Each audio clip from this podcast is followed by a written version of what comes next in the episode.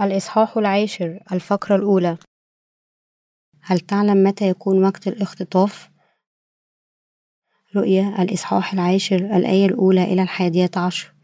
ثم رأيت ملاكا آخر قويا نازلا من السماء متسربلا بسحابة وعلى رأسه كوس قزح ووجهه كالشمس ورجلاه كعمودي نار ومعه في يده سفر صغير مفتوح فوضع رجليه اليمنى على البحر واليسرى على الأرض. وصرخ بصوت عظيم كما يزمجر الأسد وبعدما صرخ تكلمت الرعود السبع بأصواتها. وبعدما تكلمت الرعود السبع بأصواتها كنت مزمعا أن أكتب فسمعت صوتا من السماء قائلا لي أختم على ما تكلمت به الرعود السبع ولا تكتبه. والملاك الذي رأيته واقفا على البحر وعلى الأرض رفع يده إلى السماء وأقسم بالحي إلى أبد الآبدين. الذي خلق السماء وما فيها والأرض وما فيها والبحر وما فيه أن لا يكون زمان بعد بل في أيام صوت الملاك السابع متى أزمع أن يبوك. يتم أيضا سر الله كما بشر عبيده الأنبياء والصوت الذي كنت قد سمعته من السماء. كلمني أيضا. وقال اذهب خذ السفر الصغير المفتوح في يد الملاك الواقف على البحر وعلى الأرض.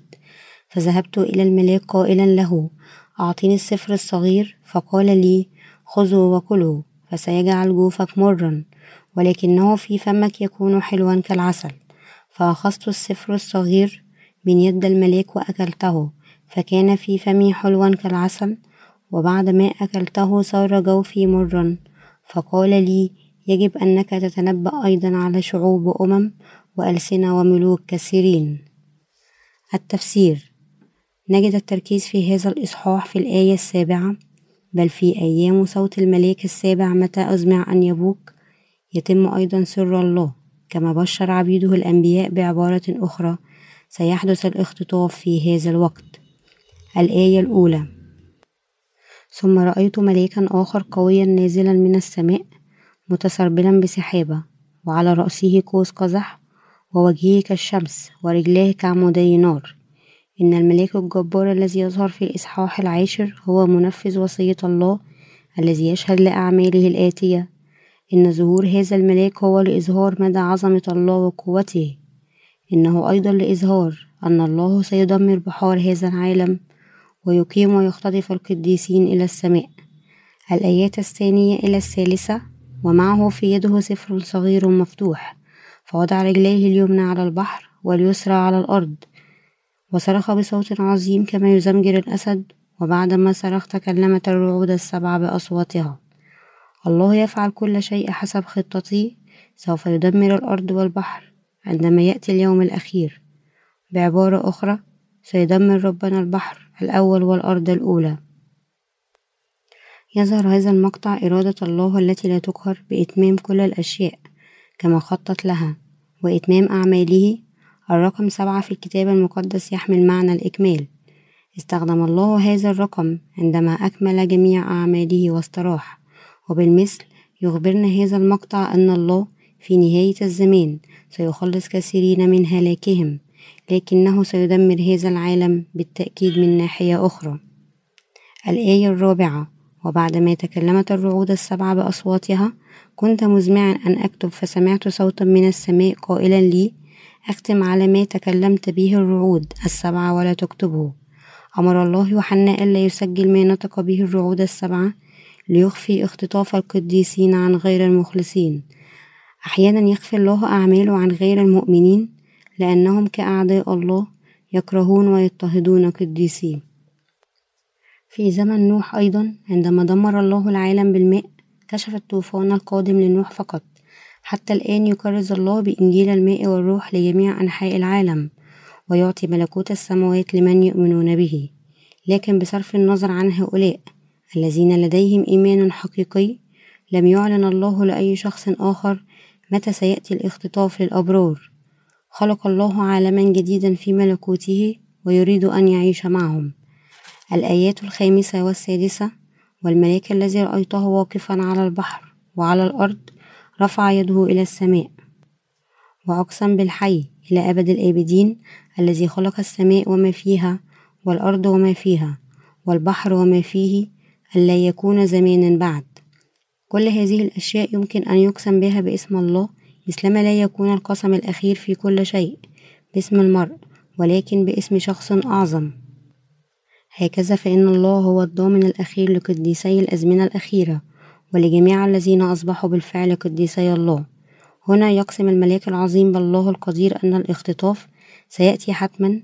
يخبرنا هذا القسم أن الله سيخلق السماء والأرض الجديدتين ويعيش مع قديسيه في هذا العالم الجديد.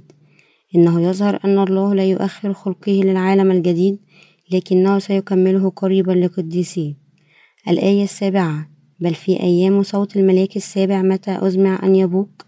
يتم أيضا سر الله كما بشر عبيده الأنبياء. تخبرنا هذه الآية أنه عندما ينطلق البوق السابع في الضيقات الأخيرة سيختطف جميع القديسين. أكثر ما يتساءل الناس عنه على هذه الأرض هو متى سيأتي اختطاف القديسين؟ رؤية الإصحاح العاشر الآية السابعة تخبرنا. بل في أيام صوت الملاك السابع متى أزمع أن يبوك؟ يتم أيضا سر الله كما بشر عبيده الأنبياء. ماذا تعني عبارة يتم أيضا سر الله كما بشر عبيده الأنبياء هنا هذا يعني أنه كما في إنجيل الماء والروح هو الإنجيل الحقيقي وكل من يؤمن به ينال المغفرة والروح القدس في قلبه. سيأتي اختطاف القديسين عندما ينطلق البوق السابع. بعد أن تنتهي ضربة الأبواق السبعة سيستشهد القديسون لأن ضد المسيح. بعد ظهوره في العالم وتثبيت سيطرته عليه.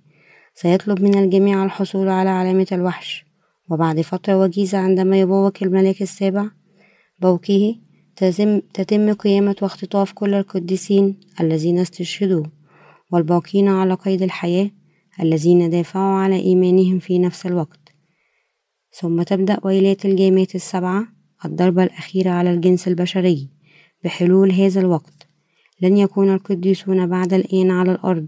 بل في السماء مع الرب بعد الاختطاف. يجب أن نعرف القديسون أن الاختطاف يحدث عندما يبوق الملاك السابع البوق الأخير. يخبرنا الرسول بولس أيضا في تسالونيكي الأولى أن الرب سينزل من السماء مع بوق رئيس ملائكة. يعتقد العديد من المسيحيين أن الرب سوف ينزل لهذه الأرض عندما يحدث الاختطاف لكنه ليس هكذا. عندما يحدث الاختطاف لن ينزل ربنا على هذه الأرض بل سيكون في الهواء. بعبارة أخرى سيكمل رب الاختطاف برفع القديسين إليه واستقبالهم في الهواء. لهذا فإن هؤلاء المسيحيين الذين يعتقدون خطأ أن الرب سينزل لهذه الأرض عندما يحدث اختطاف القديسين الحقيقيين يجب أن يتخلوا عن فهمهم الخاطئ. ويجب أن يعرفوا الحقيقة ويؤمنوا بها بشكل صحيح من خلال تذكر أن الاختطاف القديسين سيأتي عندما يبوق الملاك السابع بالبوق يتم أيضا سر الله كما بشر عبيده الأنبياء. يجب أن تدرك أن سر الله هنا يشير لاختطاف القديسين الذي سيأتي مع صوت وباء البوق السابع. باختصار سيدمر الله العالم الأول ويؤسس العالم الثاني. هذا لكي يسكن الله ويعيش مع أولئك الذين ولدوا من جديد وهم على هذه الأرض.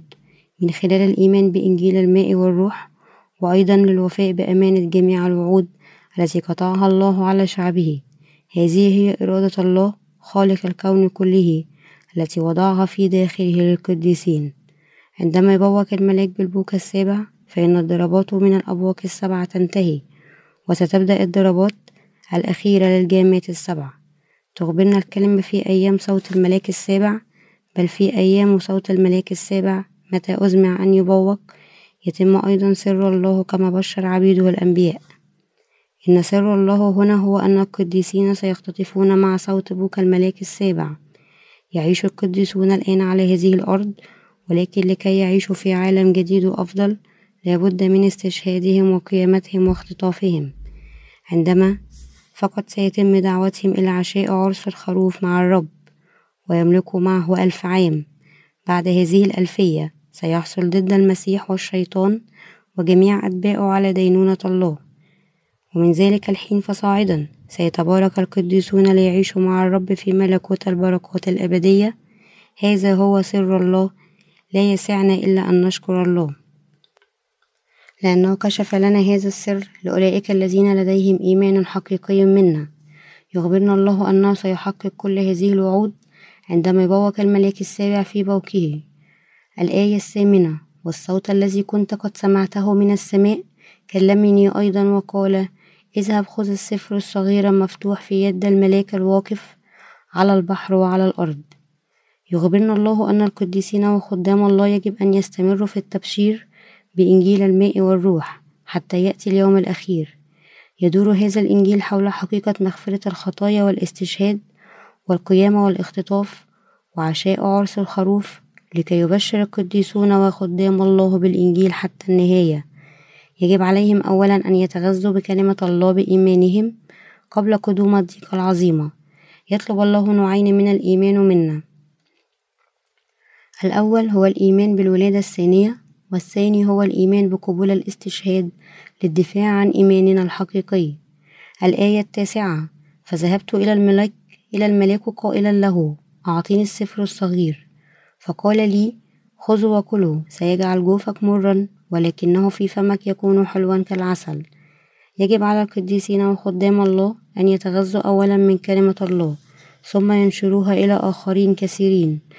تعلمنا هذه الآية أنه على الرغم من حلاوة قلوب المؤمنين بكلمة الله فإن التبشير بكلمة الإيمان هذه للأرواح الضالة ليس مهمة سهلة مصحوبة بتضحيات. هذا ما يظهره لنا الله هنا. الآية العاشرة فأخذت السفر الصغير من يد الملاك وأكلته فكان في فمي حلوا كالعسل وبعدما أكلته صار جوفي مرا. عندما أكل يوحنا كلمة الله بالإيمان امتلأ قلبه بالفرح. ولكن في الكرازة بالحق الذي ستشهد به كلمة الله لأولئك الذين لا يؤمنون بالحق واجه يوحنا العديد من الصعوبات. الآية الحادية عشر فقال لي يجب أنك تتنبأ أيضا على شعوب وأمم وألسنة وملوك كثيرين. على القديسين أن يتنبأوا مرة أخرى للجميع أن بركات الله تأتي من خلال إنجيل الماء والروح. يجب أن يتنبأوا مرة أخرى بأن هدف ربنا لهذا العالم في نهاية الزمان هو أن يأتي الجميع لبركات الله من خلال الإيمان بإنجيل الماء والروح. ما أوصى الله يوحنا بالتنبؤ به هو الكرازة بالكلمة بكلمة الحق أن عالما جديدا سيأتي قريبا يأتي به الله وأن كل من يريد أن يدخله يجب أن يبرر بالإيمان بإنجيل الماء والروح. من أجل هذا العمل يجب على القديسين وخدام الله أن يبشروا بكلمة الله من البداية مرة أخرى حتى يكون لكل فرد في هذا العالم الإيمان الذي يسمح لهم بالدخول والعيش في ملكوت ربنا.